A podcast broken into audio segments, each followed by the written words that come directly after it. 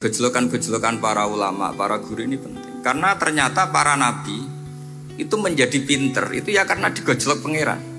Saya punya sekian contoh di kitab-kitab para wali. Ketika datang malakul mauti ke Nabi Ibrahim dan akan mengambil nyawanya itu Nabi Ibrahim tangklet. Kue sopo, aku malaikat. Onopo, ditugas pangeran mencabut nyawa anda. Terus kata Nabi Ibrahim, apa kamu tahu saya ini siapa? Ya tahu, Anda Khalilur Rahman, kamu kekasih Allah. Terus kata Nabi Ibrahim, Hal ra'aita habiban yumi itu habibah. Masa ada kekasih membunuh yang dikasih? Pasti Anda salah. Ya, karena malaikat gak pernah ngaji di sini di progresif ini. Dia tidak bisa jawab.